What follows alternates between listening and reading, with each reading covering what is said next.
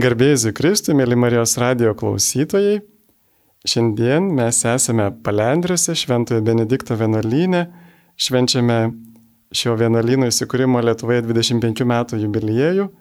Čia šiandien buvo labai daug svečių ir daug viskupų, ir popiežiaus nuncijus, ir daug žmonių atvykę, ir broliai iš kitų kraštų, o mes šiandien susitinkame su broliu Grigaliumi, garbėsiu Kristui. Per amžius, amen.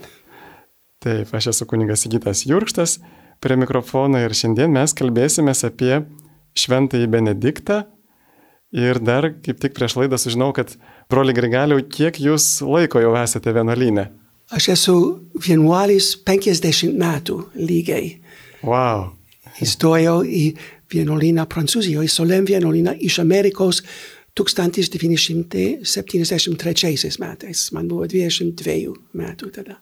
Oho, Kaip čia taip, na, kaip taip pasiryžote, na, va, pavyzdžiui, bažnyčia kaip tik Liepos 11 minės Šventą Benediktą ir kas jame ir jo mokymai jūs patraukė, kad pasiryžote jo sekti visų savo gyvenimu?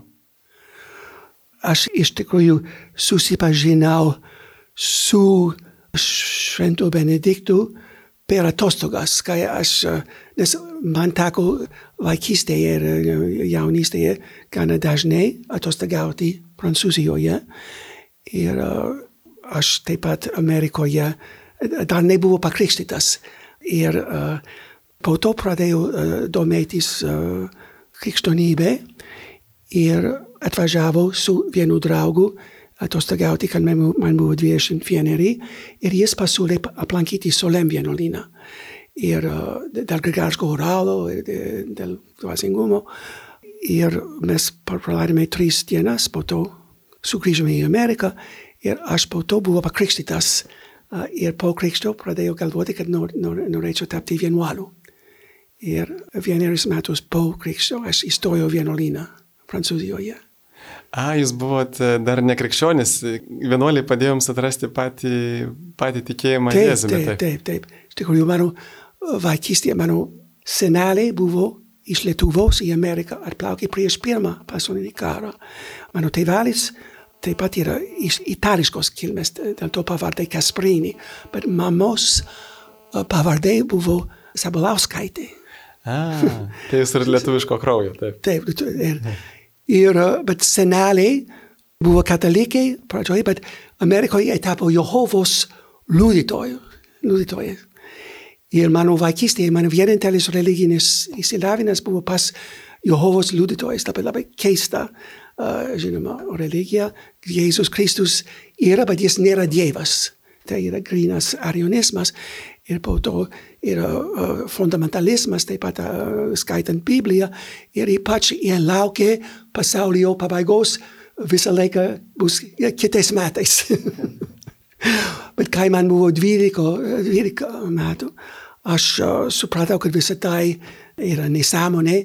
Mano tėvelis, kuris uh, buvo katalikas, bet nepraktikuojantis, įtikino mane, kad uh, tai netiesa. Ir mano paauglystėje aš neturėjau tikėjimo beveik. Iš pat ieškojau savo kelio, iš, ieškojau tiesos. Ir uh, man buvo įdomu hinduizmas, budizmas ir kitų dalykų. Bet po to vienas draugas pakvietė aplankyti anglikonų bažnyčią New York'e. Jie labai arti katalikams yra. Ir pradėjau katekizmą su, uh, su kunigu tenai. Ir po to mes atostogavome Prancūzijoje ir susipažinau su Solem vienuolyne. Ir užkrečiau tokį virusą, kai sugrįžau į Ameriką, kad buvo krikštytas, po to galvoju, kad reikia visiškai pakeisti savo gyvenimą ir įstoti į vienuolyną. Mano tėvais ir mano draugės sakė, tai, tai negali būti, tu nepasiliksi. Bet vienerius metus po krikšto aš įstojau vienuolyną ir buvau tris metus naujokas, po to daviau pirmus įžadus, po to amžinosius įžadus ir dešimt metų po įstojimo buvo iššventintas į kunigų. O mano tėvai kiekvienais metais uh, aplankydavo mane. Dešimt metų pirmą kartą galėjau grįžti į Ameriką pas tėvus kaip kunigas ir vienuolis. Taip, tai turbūt tikrai buvo didelis pasiryžimas ne tik tai palikti pasaulietinį gyvenimą, bet ir savo šalį, ir savo šeimą, savo tėvus. Tai tikrai buvo didelis pasiaukojimo žingsnis. O būtent kas Benedikto mokymė jūs patraukė, ar jo pavyzdyje Šventojo Benedikto? Iš tikrųjų, tai, tai buvo daugiau kaip uh, aventūra, dvasinė aventūra, bet uh, įstodamas į vienuolyną mane patraukė pirmiausiai Benedikto dvasingumas uh, sutelktas į Kristų ir į trejybės slėpinį. Pas Jehovos liudytojas aš buvau um, man sakė, kad Kristus nėra Dievas, kad trejybė nėra. Ir tas trejybės slėpinė atradimas man buvo nuostabus dalykus, kad Dievas nėra tik kaip monolitas, bet jis yra bendrystė, jis yra meilė. Ir kad mes galime per Kristų, per įsikūnimo, įeiti į tą bendrystę. Man buvo tada 22 metai ir buvau prie atsivertimo į krikščionybę slenkščio tiksliau, kurį laiką mane traukė beasmenys tolimųjų rytų religijų dvasingumas. Bet po to aš pradėjau atrasti Jėzų Kristų amžinai Dievo sūnų, tapusimus sub rolu, cad ivestumus imailes pendriste sudievo, benedicto reguloie, Christus ujima pagrindine vieta reguloie mums celis cartus sacoma, cad nieco neturime mileti labiau us Christu, nieco labiau ne vertenti us Christaus maile. Solem traditioie benedictinas givanimas yra orientuotas į kontemplaciją per maldą, Biblijos ir teologijos studijas, per kultūrą ir bendravimą su bendruomenės broliais ir su daugybė svečių, kurie ateina praleisti laiko vienuolyne. Benediktiniškas gyvenimas yra kartu uždaras ir atviras. Jis uh, mums užtikrina saugę uždarę erdvę uh, susitikimams su Dievu, tyloje ir maldoje, bei glaudžių brolių bendrystės ryšių palaikymui.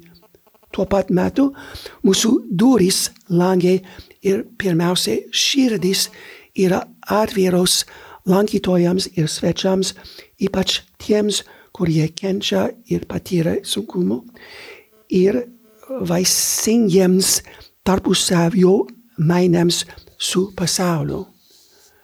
Vienuolyne mane taip pat traukė vienuolino liturginės bei individualus maldos ritmas. Švenčiausios mišos ir septynios liturginės valandos kasdien gėdamos gregariško choralu. Ypatinga solesmo misija, kurią tęsame čia palendrose, yra integruoti šį praeities lobį į dabartinę liturgiją prižiūrėta po Vatikano antrojo susirinkimo. Nors pradžioje, būdamas naujokas, kartais su nostalgija žvelgdavau į iki Vatikano antrojo susirinkimo liturgiją. Ir iš tikrųjų yra Prancūzijoje kita mūsų kongregacijos vienuolyna, kurie dar saugo tą seną liturgiją.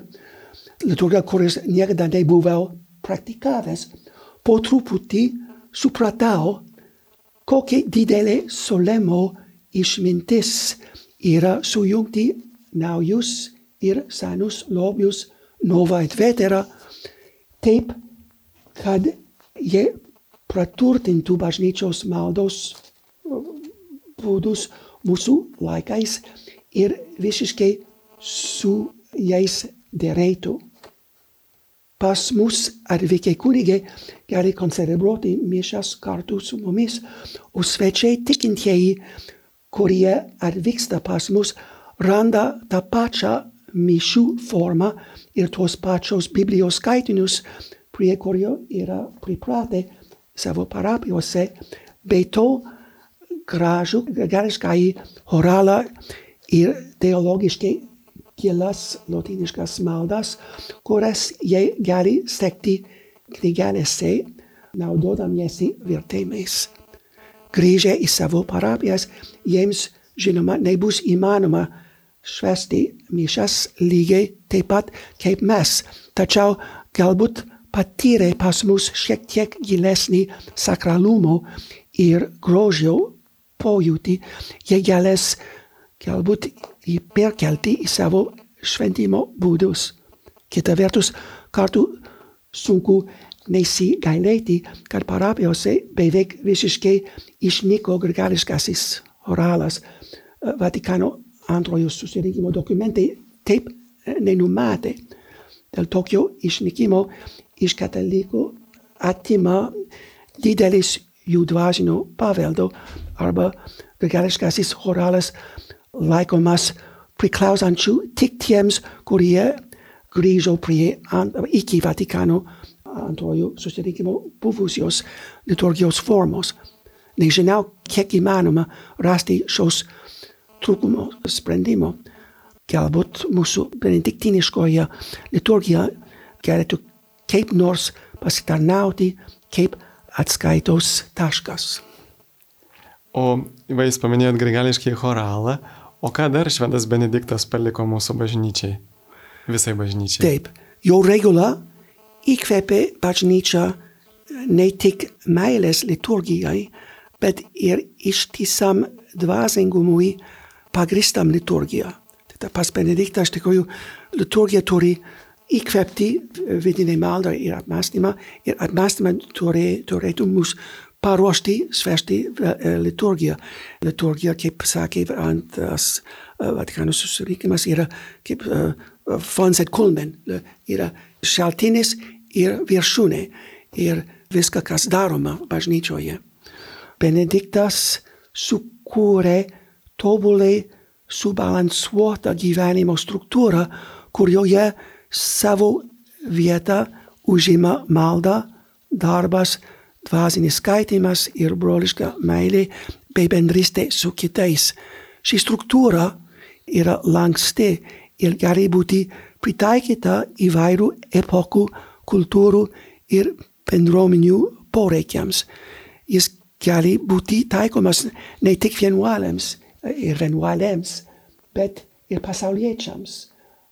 Mes turime ir nemažą oblatų, tai truputį kaip tretininkai, žmonės, kurie gyvena ne vienuolyne, bet pasaulyje ir kurie stengiasi pritaikyti Benedikto regulos dvasę savo šeimos arba darbo gyvenimo sąlygoms. O kas šventam Benediktui labiausiai padėjo siekti šventumo? Jūs minėjot va, tą subalansuotumą, regulą. Ką jūs skirtumėt, kas jam padėjo siekti šventumo savo gyvenime? Jam, žinoma, pirmiausia, jam padėjo Kristaus malonė. Nes priešingai nei daugelis kitų jo laiko vienuolių, jis visai nebuvo pelagianistas. Skaitęs Švento Augustino raštus, jis puikiai žinojo, kad neįmanoma tapti šventuoju savo jėgomis, kad reikia nuolat melstis, prašant Dievo pagalbos. Ir jis tai sako reguloje. Benediktui taip pat padėjo jo nepaprasta dvasinė įžvalga, pusiausvėros jausmas bei apdairumas. Dykumos tėvai, kurie gyveno šimtą metų prieš Benediktą, dažnai reikalaudavo ypač fizinio asketizmo, griežto pasninko ir kitų išorinių atgailos veiksmų buvo net ir tam tikra konkurencija tarp jų šiuo atžvilgiu. Savo ankstyvajame eremito gyvenime Benediktą tikriausiai traukė šios praktikos. Tačiau netrukus jūs suprato, kad visų pirma vienuolėms reikia aukti ir mokytis drauge bendruomenėje, kur broliai gali padėti vieni kitiems, o antra, kad svarbiausia dvasinis apsivarymas, kad galėtų sekti Kristumi ir būti su juo uh, suvienyti meilėje. Nors pirmoje regulos dalyje primiktinai pabrėžiamas vertikalus kiekvieno vienuolo ryšys su Dievu einantis per abatą arba dvasios tėvą, kurio Benediktos visą tą išmoko iš ankstesnės vienuolinės tradicijos, paskutiniuose regulos skyruose, kurios jis galėjo papildyti gyvenimo pabaigoje, kaip savo ilgos patirties vaisių, jis labiau pabrėžia broliškos meilės ryšius tarp bendruomenės narių. Tai man labai patiko, kad jūs paminėjote ypatingai va, tą maldos, nuolatinės maldos gyvenimą, norint gauti Dievo malonę, nes tik Kristus malonė daro mus šventais ir kartu tą brolišką meilę, kuri neleidžia šetonui įsiterpti tarp mūsų ir kuri iš tikrųjų yra tas Dievo valios, klusnumas Dievo valiai, va, kaip šiandien per homilį girdėjome čia per jūsų iškelmę, kad e, Marija sakė, darykite tai, ką jūs jums lieps, ką Jėzus mums lieps. Tai iš tikrųjų va, ta nuolatinė malda ir klusnumas Dievo valiai, ypač meilė artimai. O visgi, kaip teisingai suprasti tą benediktinų posakį orat labora, kaip iš tikrųjų teisingai subalansuoti tą gyvenimą, ar tai reiškia, kad visą laiką tik turime melstis arba dirbti, o kur dar laisvalaikis, poilsis, sportas, pramogas, mokymasis. Taip.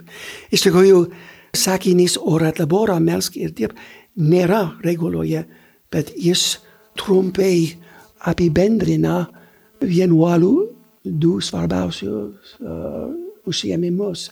Iš tikrųjų, reikėtų sakyti ora et labora et legge. Melsk, dirbk ir skaityk. Skaitimas lekcijų divina apima žinoma Bibliją, bažnyčios tėvų bei dvasinių autorių raštus, teologiją ir taip pat kultūrą apie laisvą laik, laiką, poilsį, sportą, pramogas ir taip toliau. Regula kalba mažai, bet benediktinų tradicija skiria tinkamą vietą visiems tiems dalykams, dėl to, kad vienuoliai yra pirmiausiai žmonės. Ir visa tai prisideda prie sveikos, harmoningos gyvensenos individualų ir bendruomenės lygmenių. Taip, ačiū. Vadinasi, kad e, mes dar išimam iš vieno, iš to posakio orat labora, dar ir, ir ledžia, ledžia, taip, skaityk. Taip, taip. Mes... Taip. Ir ledžia visą mokymasis ir, taip, mokytis, studijas. Skaityti. Taip, čia labai svarbus dalykas, svarbu taip. nepamiršti, nes tikrai turim ieškoti tiesos ir tiesa mus padaro laisvus ir, ir šetonas yra tas melo tėvas, kuris norėtų, kad mes neieškotume tiesos ir jos neturėtume. Ir gerbiami Marijos radio klausytojai, dabar jūs girdite laidą apie Šventąjį Benediktą, kalbamės kartu su broliu Benediktinu, broliu Grigaliumi, kuris jau 50 metų yra vienuolynė. Tikrai galime pasisemti jo išminties, patirties. Įrašom šią laidą tiesiogiai iš, iš palendrių. Ir kaip prieš tuos 25 metus, šiandien minim jubiliejų, Benediktinai atsirado Lietuvoje. Taip, aš truputį jau sakiau pradžioje, bet iš tikrųjų apie 91 metais atgimimo metu Lietuvoje pradėjau atvykti į mūsų vienuolyną Prancūzijoje, Solem vienuolyną jaunimo grupės, kiesmininkų grupės, kurie gėduojo gregariško choralą. Buvo taip pat kai kurie klerikai ir tarp jų kai kurie įstojo į vienuolyną norėjo tapti naujokais.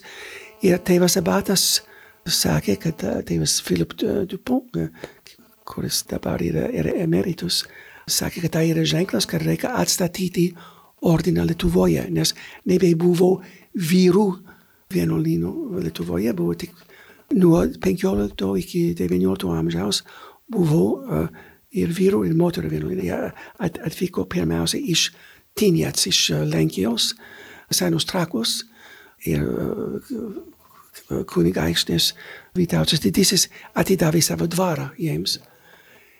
Bet XIX amžiuje po sukilimo prieš Rusijos valdžią, Zaras uždarė visus vyrų, vienus pasiliko tik moteris, o smetono laikas nebuvo proga atstatyti vyrų šaką. Po to tarybinis laikas, žinoma, net ir moteris turėjo pasislėpti, o po atgimimo tada buvo pirma tikra proga atstatyti ordiną. Ir tada tėvas Pilypas Dupont pradėjo ieškoti Lietuvoje, kur mes galėtume įsikurti ir mums pasiūlė šitą vietą, dėl to, kad yra labai gražiai tyli vieta. Ir mes čia atvykome 1998 metais, 12 brolių. Mes buvome pas, paskirti, bet iš tikrųjų tėvas pats pasiūlė kiekvienam. Ir buvo įmanoma Tarp jų buvo ir lietuvių, taip? Taip, buvo lietuvių. Tėvas, tėvas Kazimieras, jau buvo, jis, jis studijavo tuo metu Šveicarijoje, bet jis buvo paskirtas į mūsų fundaciją. Buvo taip pat brolis Jokūbas, brolis Raimondas. Brolis Vilius. O Vilius Korkskas, taip, taip, taip, taip, taip, po, po to jis tapo uh, kunigu uh, diecezinį. Ja. Reiškia, kad jums pasiūlė, ar, ar norėtumėte atvykti į Lietuvą, taip, o Kaip jūs, aišku, jūs turbūt sutikote todėl, kad jūsų šaknis yra iš dalies Lietuvoje, taip jūsų mamos. Taip, iš dalies, taip, taip. Ir, dėl to, kad kai atvažiavo grupės instituvas, man teko su jais bendrauti, duoti paskaitas angliškai apie liturgiją, apie gėdojimą. Ir mane traukė. Man buvo tada 49 ir man sakė, aš sakiau savo, kad aš esu pakankamai jaunas, kad gali kitą, kitą aventūrą eiti. Dabar aš esu 74, gal negalėčiau į kitą fundaciją. Nes pas mus mes esame ne ordino narys, bet viena, vieno ar kito vienuolino narys. Ir vienintelis išimtis, kai nes turime pastovumo uh, įžadą, bet jeigu reikia sukurti naują vienuolyną ar padėti kitam vienuolynui, tada galima važiuoti į kitą vienuolyną. Bet kaip jūs jautėtės, vakar reikėjo atsisveikinti su tėvais, turbūt ir su draugais ir, ir žinot, kad jūs niekad gyvenime, na, kad retkarčiais jie atvažiuos pas jūs, bet iš tikrųjų, kad jūs visą gyvenimą praleisit užsienyje kažkur kitur. Taip, taip. Kaip, kaip jautėtės tuo metu, kai žinot, kad ir su tėvais negalėsiu susitikti dažnai? Taip, tai buvo iš tikrųjų mano jaunystėje visą laiką svajojau gyventi Prancūzijoje ir buvo išmokęs prancūzų kalbą, labai, keturė, jam būdamas 14 metų. Ir visą laiką tai buvo tokių nuotaikių potraukis. Kad mano seneliai buvo atvykęs iš Europos į Ameriką, dabar aš galvoju, kad laikas sugrįžti namo. Taip, iš Amerikos į Europą. Ir viską dėl to, kad mano tėvelis dirbo aviacijos linijoje Pan American, žinojo, kad jie gali vis tiek važiuoti, atskristi kiekvienais metais mane aplankyti. Tada nebuvo taip, taip sunku pasaulis, man atrodo, gana mažas. Ir kad tai ne taip svarbu, kur tu gyveni, tu gali visą laiką bendrauti su, su kitais. Uh, Ir dabar da, kuo daugiau su, su internetu, su, su Skype, aš bendrauju su savo broliu, kuris gyvena Kalifornijoje. Tai, man atrodo, ir mūsų laiko taip pat pabraužys, kad žmonės daugiau keliauja nuo vieno vietos į kitos ir persikelia į kitą kultūrą. O kaip Jūs manote, kodėl benediktinų vienuolynai padarė tokią didelį įtaką Europos kultūrai? Taip viduramžiais kiekvienas vienuolynas buvo maldos, dvasingumo ir kultūros žydinys. Ir po Romos žlugimo vienuoliai perrašinėjo ir saugojo ne tik Biblijos ir bažnyčios tėvų raštus, bet ir senovės graikų ir romėnų pasaulio literatūrinis lobius iete patoreo didelus ucius, ab dirmineo geme, ir taibuvos varbus oropos econominio eh, vistimosi elementas, bet i patsman tote iretas tvasinis uh, eh, uh, eh, itaka, uh, but vasini itaka, kad uh, i buvo dem um, maldos centras, žmonės galėjo atvažiuoti ir piligrimai, ten buvo viešbučių, bet jeigu reikėjo keliauti, reikėjo sustoti prie vienuolino ir, ir melsti tada su, su vienuoliais. Ir tai turėjo įtaką ir padėjo evangelizuoti Europą. Ir tada Šventas Benediktas yra vienas iš Europos globėjų kartu su Kirilu ir Metodu ir su Kotrino, Kotrinos ir Jeanettis ir Terese Benedikta Idestein. Ir iš tikrųjų turbūt ta įtaka dar priklauso ir nuo tos Benedikto regulas, o kad viskas buvo ir ne tik regulos kaip gyvenimo taisyklės, bet ir va, kasdienės regulos, tos dienotvarkės, kada tu gali suplanuoti tą ritmą dienos ir tas ritmas leidžia skirti pirmą vietą Dievui, nes jeigu mes neturim plano, tai dažnai Dievui lieka paskutinė vieta. Taip, taip. Ir kartu skirti laiko ir, ir mokslui, mokymuisi, nepraleisti laiko tuščiai, taip. Ir mes turbūt galim iš savo kasdienybės pastebėti, kada turime dienoje planą, mes galim labai labai daug nuveikti nuostabių dalykų, bet kada tik tai plano neturime, tai panašiai kaip tas traukinys, kuris, į kuriam baigėsi bėgiai ir jis nuvažiuoja į griovį, tai iš tikrųjų yra kaip traukinio bėgiai tas, tas mūsų planas dienoje. O, o ko dar norėtumėt, kad žmonės pasimokytų iš Šventojo Benedikto brolių? Kaip gyventi su džiaugsmu Dievo akivaizdoje, šlovindami jį, jam padėkojant ir prašant jo malonės žmonijai, kaip su džiaugsmu gyventi Dievo akivaizdoje, kaip gyventi taikoje su visais broliais ir seserimis mūsų planetoje, kurie šiandien grėsia daugybė pavojų dėl karų, beprotiško gamtos išnaudojimo ir taip toliau. Taip, čia iš tikrųjų e, va, labai svarbu irgi turbūt tas broliškas gyvenimas, mes šiandien tokioj individualistiniai kultūrai kartais galvojam tik tai va, apie save, apie savo planą, savo darbus, o jūs gyvenat bendruomenėje ir tas nėra lengva, bet kartu yra liudijimas tikrai kitiems tos taikos. Ir čia bendruomenė gyvenant turbūt labai svarbus yra nusižeminimas, apie kurį Šventas Benediktas daug dėmesio jiems skiria, daug kalba regulai, vadinamas jisai visų darybų pagrindu. Ir kaip jį teisingai suprasti tą nusižeminimą, nes juk kartais reikia ir pakovoti už savo ir kitų teisės, ar, argi turim visiems nusileisti. Kaip suprasti, kas yra tikras nusižeminimas? Taip, sakau, nusižeminimas arba nuolankumas yra tiesos būsena Dievo ir žmonių akivaizdoje. Pripažinti, kad viską, kas gera manyje, ateina iš Dievo kaip dovana, o kas negera iš mano egoizmo arba iš mano sužaistumo. Jeigu aš turi vieną dovaną, kurią kitas brolis neturi, galima nuolankiai atpažinti tą tiesą, prisimindamas, kad ta dovana man yra duota, kad galėčiau geriau tarnauti kitiems. Kartais reikia taip pat ginti tiesą, ginti save, savo artimus, bet negalima teisti arba pasmerkti mūsų priešų. Reikia stengtis juos mylėti, jiems atleisti ir dažnai, kaip sakė Jėzus, jie nežino, ką daro. Reikia stengtis juos mylėti, jiems atleisti ir neteisti. Reikia taip pat pripažinti, kad, yra, kad kiti turi savo charizmą, savo dovaną ir gerbt, uh, gerbti šitą. Ir jeigu jie blogai elgesi, negalime teisti, nes mes nežinom, ko, kokia motivacija yra. Ir mes tik matome išorę. Bet objektyviai kartais reikia ginti tiesą, žinoma. Na taip, iš tiesų, tai tiesa, kad mes nežinom kitų žmonių intencijų, bet va, labai sunku neteisti ir nepykti. Pavyzdžiui, kai mes darom įrašą ir, ir, ir aplinkui visi žmonės vaikšto ir Taip. triukšmauja, labai sunku. Bet jie džiaugiasi dėl to, kad šventė, jie Taip, šiandien šventė, taip. nežino, kad yra, Jie yra, nežino, kad mes įrašinėjom. Tai. reikėtų pakabinti užrašą. Na taip, taip, teisingai, čia jau pats, pats, pats kaltas, kad nepakabinau. Na ir, va, gal kažkas skambina į duris.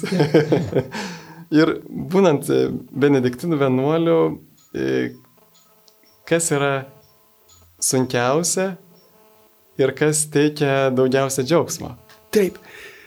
Iš tikrųjų, kaip jūs sakėte, dėl nuolatinos maldos bei darbo kaitros mūsų gyvenime kartais sunku priprasti prie to, kad diena suskirstyta į nedidelius laiko vienetus. Nes reikia paklusti varbui. Bet taip pat, kai yra nesutarimai bendruomenėje, kaip tai atsitinka kartais visose šeimose, gali būti sunku gyventi visada su tais pačiais broliais. Taip pat kartais lankytojų gausumas drumsta ramybės. Tačiau kita vertus, malda, darbas ir bendravimas su broliais ir su svečiais dažniausiai atneša labai didelį džiaugsmą. Tada, ir tas, tos pačios dalykos gali būti kartais sunku, kart, bet kartais atneša džiaugsmą. Taip, ir turbūt jo, kada mes esame Dieve, tai tada viskas teikia tą džiaugsmą ir visame galime atrasti tą Dievo meilę, jo palaiminimą, jo ramybę ir pabaigai, ko norėtumėte palinkėti mūsų Marijos radio klausytojams? Ramybė, šalom, tai ir švento benedikto ordino iššūkis, paks, džiaugsmo viešpatie, Dievo pagodos ir pagalbos įvairiose išbandymuose ir kviečiu visus mus aplankyti, mes laukame jūsų. Ačiū labai, broli. Prašau. Čia buvo brolis Grigalius, Benediktinų vienuolis, kuris yra atsakingas už svečius, taip. Ir kada jūs atvažiuojate vienuolyną, visą laiką sutinkate brolį Grigalių, kuris jūs pasitinka ir knyginė. Ir čia galite įsigyti įvairiausių dalykų, brolių paruoštų, išleistų knygų, pagamintų palendriukus, dar, dar turbūt kepat, verda, dar nežinau, kaip jas gaminat. Nebėra dabar. Ai, nebėra palendriukų. Ne, bet, yra, bet, bet yra tapolas, tas balzamas.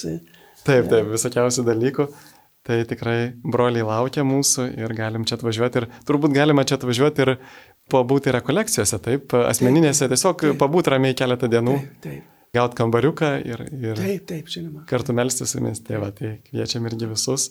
Na ką, ačiū Jums, prie mikrofono buvo aš kuningas Įgytas Jurkštas ir Dievas Jūs te laimina sudė.